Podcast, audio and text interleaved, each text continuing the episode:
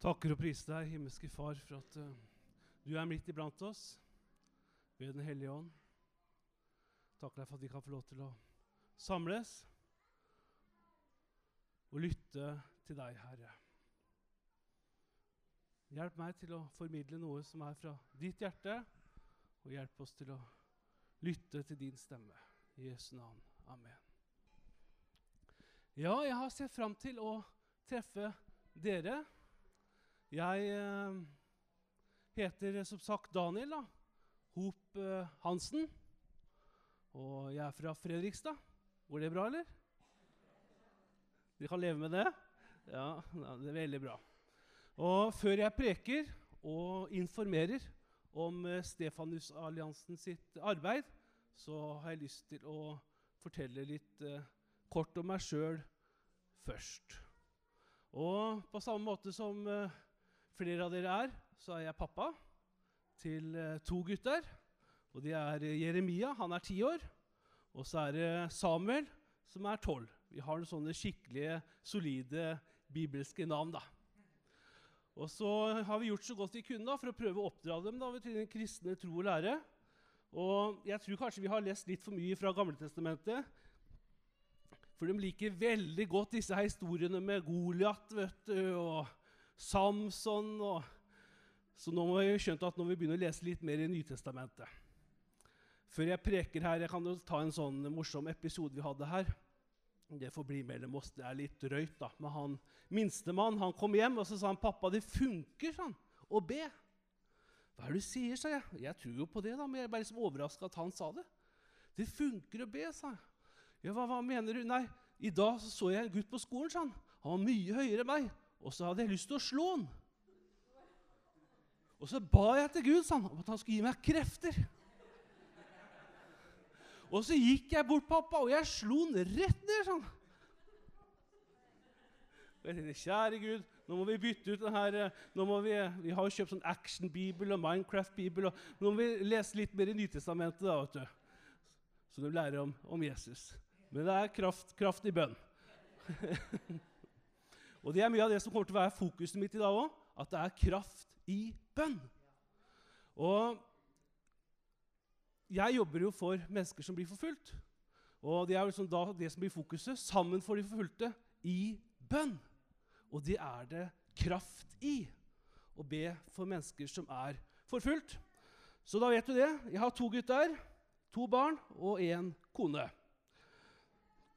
Nå har jeg reist så mye, så det går litt uh, hurra meg rundt noen ganger. Så her For en stund siden så var jeg et annet sted, og da sa jeg at jeg har to koner og et barn. Det var ikke så lurt. Alle våkna, for å si det sånn.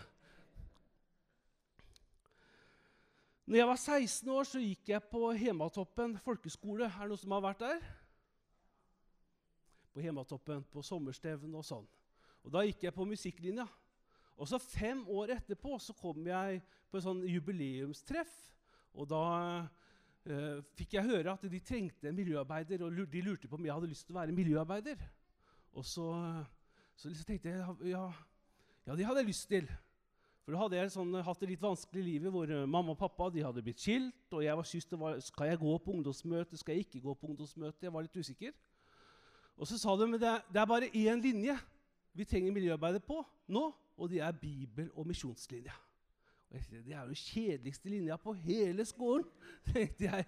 Det er mye bedre å gå på musikk eller et eller annet. Men de ville ha miljøarbeidet på bibel- og misjonslinja. Og det var fantastisk. Og siden den gangen så har jeg begynt å preke. Og En av de første prekenene jeg skulle holde, det var i Kongsvinger. Da var jeg miljøarbeider på Hematoppen. Og Så lå jeg i senga mi på internatrommet og så bladde jeg gjennom Bibelen. og tenkte Jeg må finne en bra preken og vise dem liksom at jeg kan imponere dem. Og jeg fant liksom ikke noe som jeg syns Ja, jeg fikk ikke noe preken. Og så Jeg er jo godt oppdratt vet du, som pinsevenn, så jeg tenkte jeg må få et ord fra Gud. Og naiv som jeg er, så sa jeg til Gud at nå legger jeg meg til å sove, og så får du vekke meg med et ord. Og så sovna jeg, og så slo jeg opp Bibelen sånn her. Og det er jo ikke alltid så lurt. Du setter fingeren ned. ikke sant? Det er jo litt av hvert som kan dukke opp da. ikke sant? Om uh, lover om sopp og masse greier. ikke sant? Så du må være litt forsiktig. da. Det er ikke alt som er til deg. Men så gjorde jeg bare sånn. Vet du hva det første jeg så, var? Skynd deg! Stå opp! Da lå jeg i senga. Stå opp! Å, all verden, tenkte jeg. Og som en god pinsevenn da, tok det bokstavelig, så sto jeg rett opp. jeg. Sto rett opp. Og så leste jeg videre her om Peter som var i fengsel, og hvordan han ble fridd ut. Og så kjente jeg at jeg fikk en preken. Og Så reiste jeg til Kongsvinger og holdt en av mine første prekener. Det var sikkert ikke en fantastisk preken, men jeg kjente jeg hadde fått noe fra Gud. Og så ga jeg det. Og I det siste så har jeg jobba litt med denne teksten her i Apostlenes gjerning kapittel 12. Og Den har blitt litt levende for meg på nytt. Og Det er det som er fantastisk med Guds ord. Så Hvis du har med deg en bibel, så kan du ha den oppslått på Apostlenes gjerninger kapittel 12. Og så skal vi gå litt gjennom den teksten. For når du åpner opp Apostlenes gjerninger kapittel 12 og leser, hva er det du møter da? Jo, du møter med en gang når du leser, så møter du en menighet som er i forfølgelse. Det står det her. På den tiden, vers 1, la kong Herodes hånd på noen i menigheten og for hardt fram mot dem. De blei forfulgt. Det er en menighet som blir forfulgt. Noen ganger før Jeg har jobba som pastor, og litt sånn, så når jeg har preka, så har jeg ofte brukt disse tekstene som bilder på hvordan Gud kan være med oss i vanskelige situasjoner. Men det er faktisk mennesker som lever sånn her nå, som opplever at dette er til dem. Oi, det er mennesker som blei forfulgt på den tida her. Sånn har jeg det nå. Dette er Guds ord til meg akkurat i denne situasjonen. Og litt sånn, Jeg har litt sånn informasjon underveis her, så før vi fortsetter med teksten, så har jeg et bilde her kan vi se, med Lea. Hun er fra Nigeria, og hun ble satt, eh, tatt i fangenskap. Det var noen muslimer, som, en terrorgruppe, som ønska at hun skulle konvertere til å bli muslim. De fanga over 100 jenter, tok de i, i fangenskap og ville at de skulle konvertere. Men Lea hun nekta. Hun var 14 år. Og Hun blir sittende i fangenskap. Og nå er hun over 18 år og sitter fortsatt i fangenskap. Og Nå forteller de det at, uh, at hun har uh, blitt ikke bare tvangskonvertert, men hun har faktisk blitt tvangsgifta. Og hadde måttet gifte seg med en mann som er uh, muslim. Og hun vil jo egentlig bare en kristen. De andre jentene er løslatt, og så er det noen få igjen, og bl.a. Lia. Og nå har hun blitt over 18 år. og Tenk deg det å være 18 år i fangenskap. Jeg vet ikke hvordan 18-årsdagen din var. Det var kanskje litt annerledes. 18 år i fangenskap. Og I tillegg til at hun blir tvangsgifta, så har hun blitt gravid og født et barn i fangenskap. For, fordi at Lea ikke ville Ja. Så hun har liksom er i dette fangenskapet. Det er tankevekkende at noen har det sånn. Vi kan ta et uh, annet bilde her om en annen mann som de er fra Myanmar, en pastor. Hver uke så skriver jeg sånne bønnebrev. De kan du få hvis du vil. Jeg skriver bønnebrev som jeg sender på mail. Og Da forteller jeg forskjellige historier. Og denne Pastoren her, han er fra Myanmar. Han skulle være med å slukke en, en brann. Mange kristne i Myanmar er veldig utsatt. Og Så endte det med at han mista livet sitt. Og de, du ser har han en uh, giftering der. De kutta til og med av fingeren hans for at, han, for at du skulle ha gifteringen. Så det er masse sånne historier, voldsomme historier om mennesker som blir forfulgt og faktisk drept. Og Da er vi over i vers 2 her. For her står det Jakob, bror til Johannes, ble henrettet med sverd. Det er mennesker som har det sånn akkurat nå. Mennesker som mister livet sitt for Jesus, som er martyrer. Og Det er jo derfor vi heter Stefanus og Lansen. vet du. Det er den første kristne martyr. Stefanus kan lese med han i Apostlenes gjerninger hvordan han mista livet sitt fordi han hadde en tro og var frimodig. Over 300 millioner kristne blir forfulgt akkurat nå. Tenk deg det. Det er mange mennesker. Det er jo rart å tenke på når vi lever i vår boble her i Norge. Og vi tenker liksom Hvor mye kan jeg unne meg da? Åssen skal jeg liksom Ja. Og så er, tenker vi at her er det mennesker som må betale stor pris for å være kristne. Men vi er i denne teksten her. Nå er det altså Peter som skulle i fengsel her. For når vi leser videre, så ser vi at Herodes han har liksom virkelig tenkt at nå, få, nå skal jeg fortsette her vet du, og virkelig eh, forfølger menigheten her. Og han skjønte at han ble populær, så han sørger for at Peter kommer i fengselet. Og hva er det som skjer da når Peter kommer til fengselet? Jo, da står det så fint at menigheten ba inderlig til Gud, står det. Menigheten ba inderlig til Gud. Hva er det som skjer her i Pinsekirken Heimdal hvis du får høre at det er noen mennesker her og nå som har det vanskelig i fellesskapet? Hva gjør menigheten da? Jo, menigheten ber inderlig til Gud. Hva er det som skjer hvis dere får høre at noen av ungdommene har det vanskelig?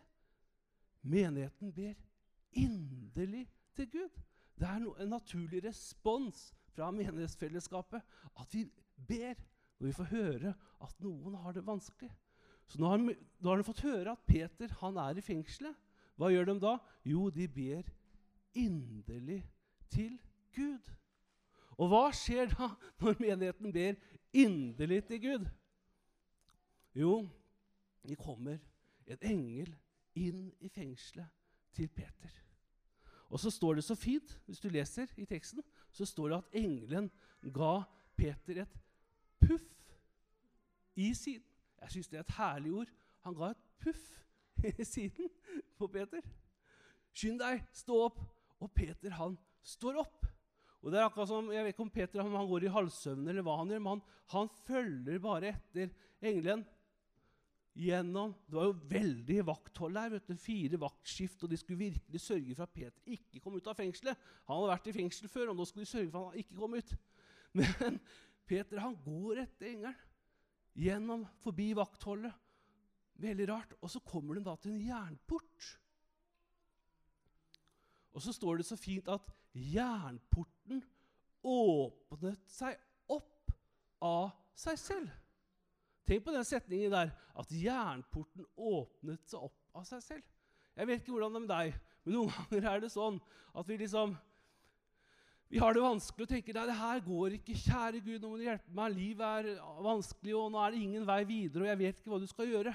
hva jeg skal gjøre. Og du liksom kjenner at du er fortvila. Og så plutselig så er det akkurat som alt bare liksom legger seg til rette. Dører som åpner seg. Det er Herren som åpner jernporter. Jeg tror ikke at jernporten åpna seg opp av seg selv. Jeg tror det var Herren som åpna opp jernporten, sånn at Peter kunne komme ut av fengselet. Og når han har kommet et godt stykke ned i gata, så kommer Peter til seg sjøl. Og så oppdager han Oi, Herodes har jo virkelig Altså, jeg har blitt fridd ut av Herodes hånd, står det.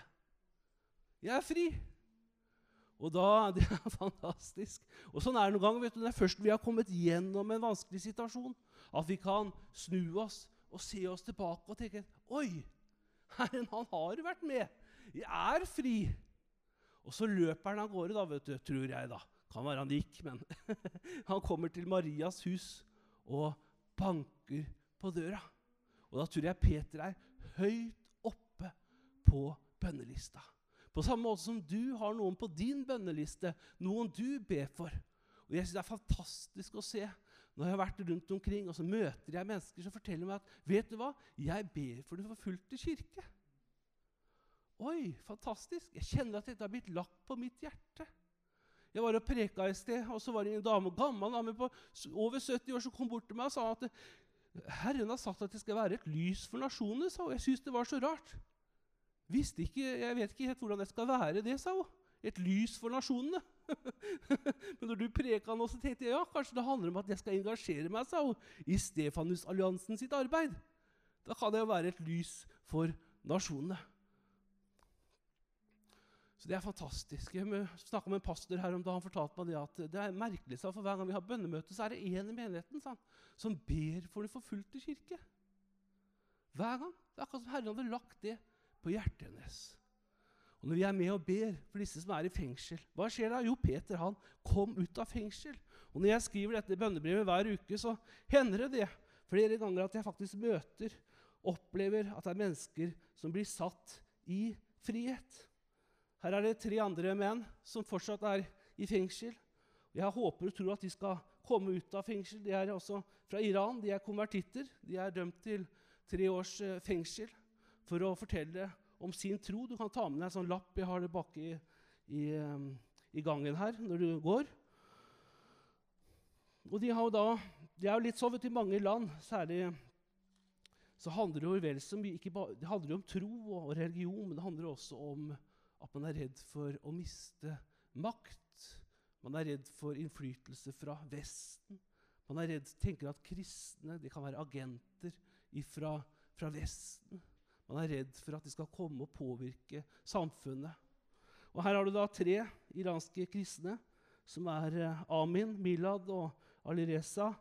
Og De er da konvertitter, og nå sitter de da i, i fengsel pga. sin tro.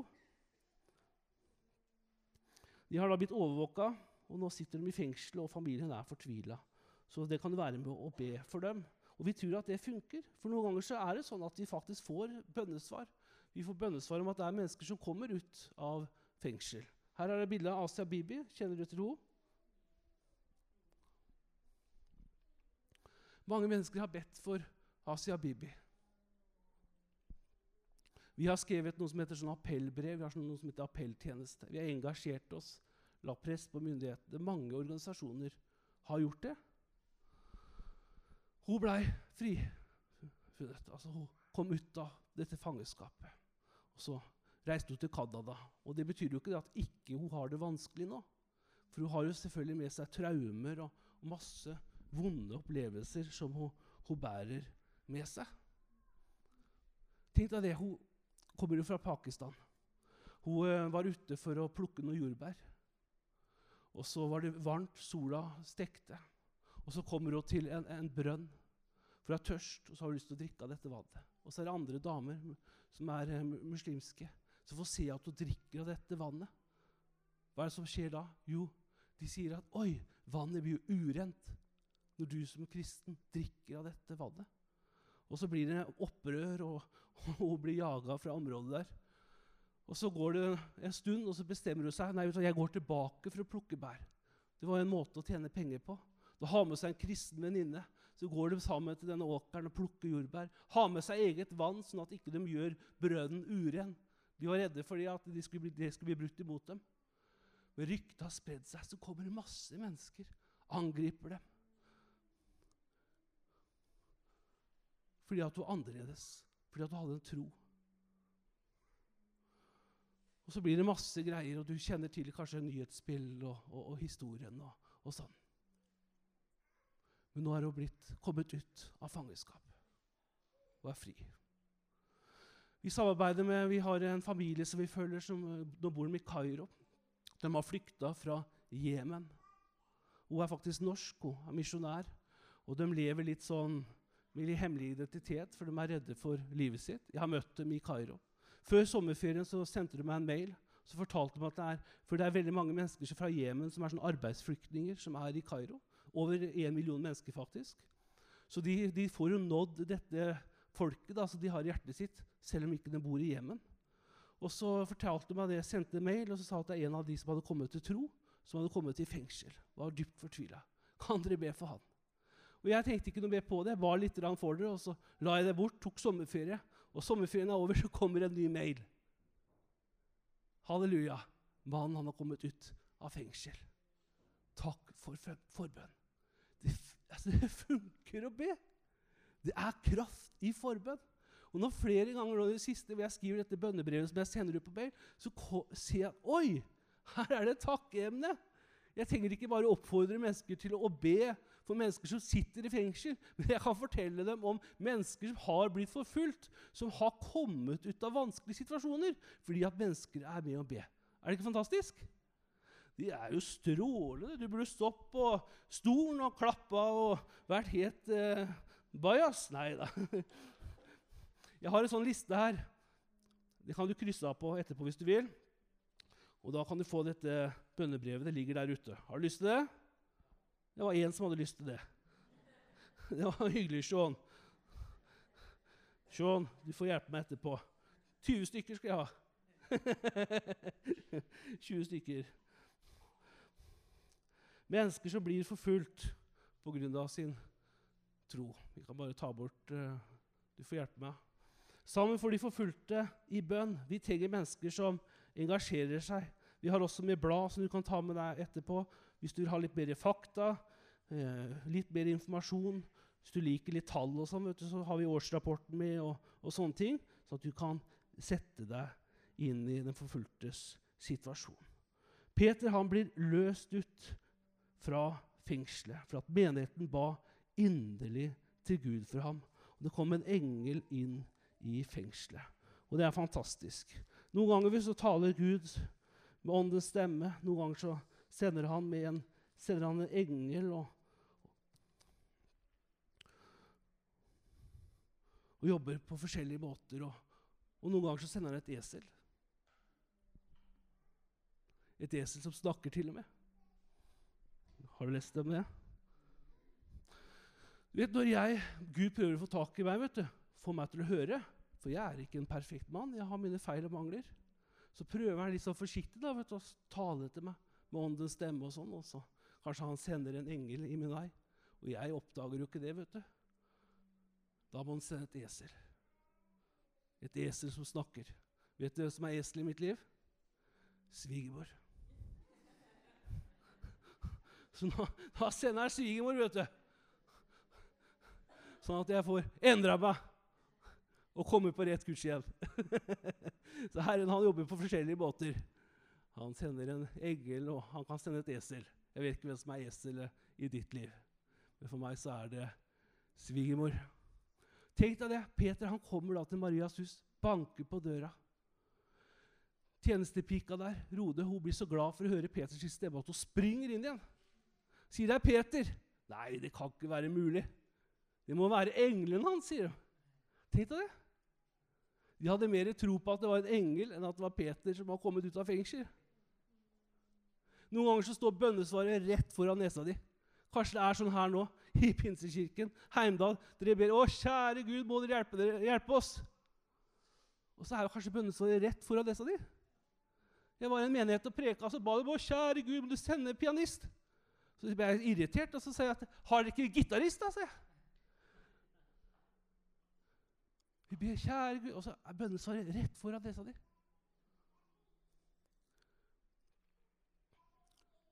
Og jeg tror det.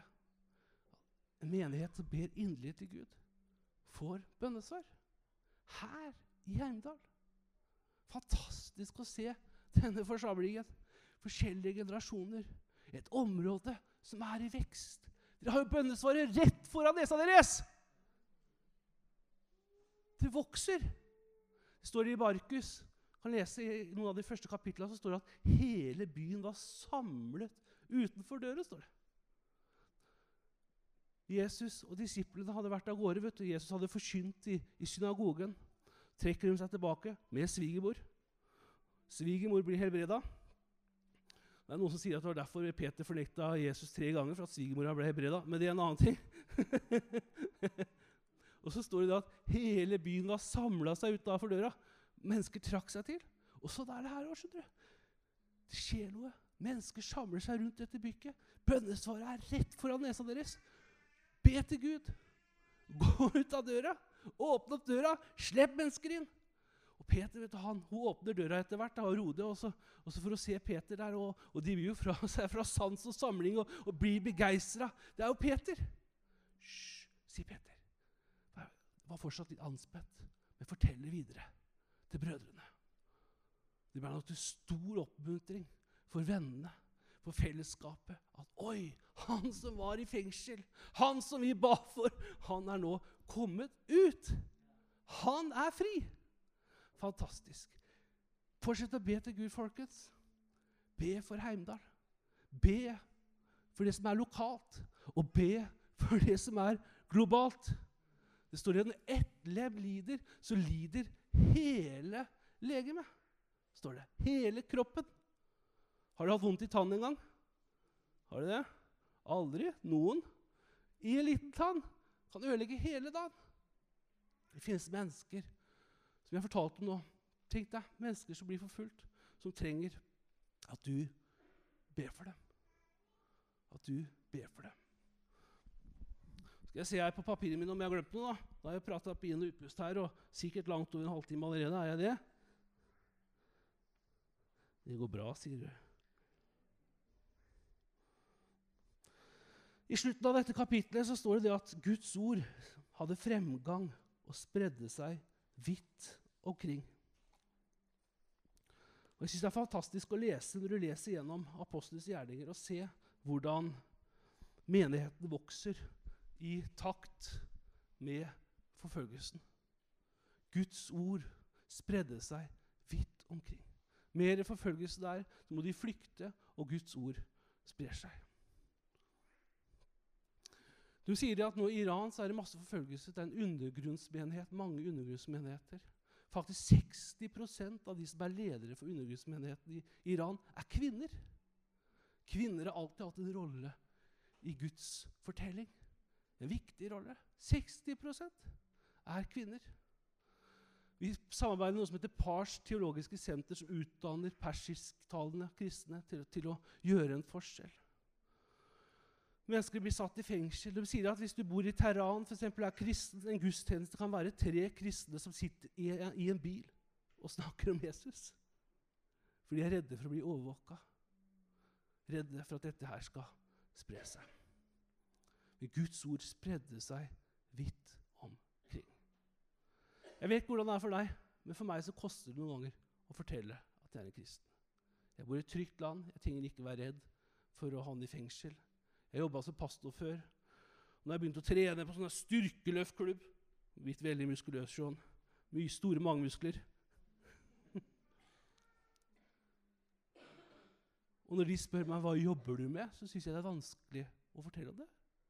Jeg blir helt flau noen ganger i møte med de historiene her.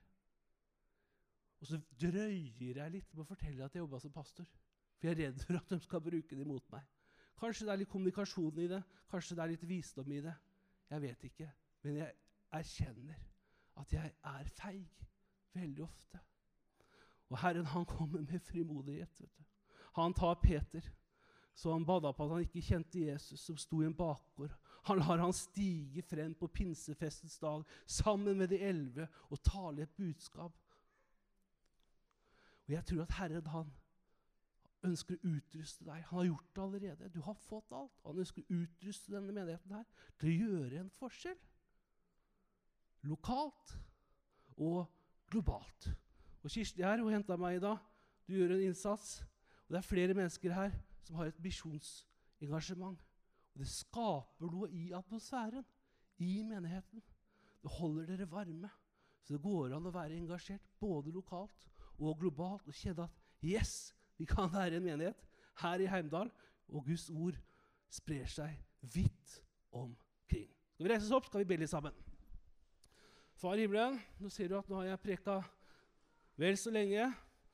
Men Herre, jeg ber om at det som er fra deg, som, som er fra ditt, uh, ditt, hjerte, at det skal feste seg i hjertet, Herre. Herre, Herre, Herre. Jeg ber om det. Jeg takker deg for denne menigheten Herre. Jeg takker deg for barn som kommer til å komme. Jeg takker deg, Herre, for barnefamilier, Herre, som kommer til å komme til denne menigheten, Herre. Jeg takker deg, Herre, for at denne menigheten skal bære frukt, Herre. Ikke bare i ung alder, men i høy alder, Herre. Herre, Herre. Jeg takker deg for unge mennesker som reiser seg opp og tar ansvar i menigheten her. Herre, jeg ber for familier som har det vanskelig, som sliter. Jeg takker deg, Herre, for at du smelter dem sammen igjen. Herre, Herre. Og jeg takker deg for de menneskene som er her, som har et hjerte for de forfulgte. Som har hjerte for mennesker som, som trenger deg, Herre som kjenner at de har et hjerte som banker for misjon. Jeg takker deg for dette store hjertet i Pinsekirken Heimdal som banker for deg og hele verden. Herre, Herre, Herre. Jeg takker og priser deg for sånn fellesskapet her. lederne, at du skal være med dem og velsigne dem. Jeg ber om det i Jesu Kristi Ja, nå vet jeg ikke helt hvordan det her landa hos deg, men vil du ha mer fakta og lure på noe, og prate med meg etterpå. Jeg har med meg blader, jeg har med meg årsrapport og, og mange ting. Så jeg liker best å komme og inspirere. Men ønsker du å ha litt mer info, så prat med meg etterpå. Og så, og det hadde vært veldig gøy da, hvis noen av dere hadde lyst til å liksom dedikere dere til at jeg blir med og ber for det her. Det hadde vært, veld, det hadde vært veldig, veldig moro. Takk for at jeg fikk komme.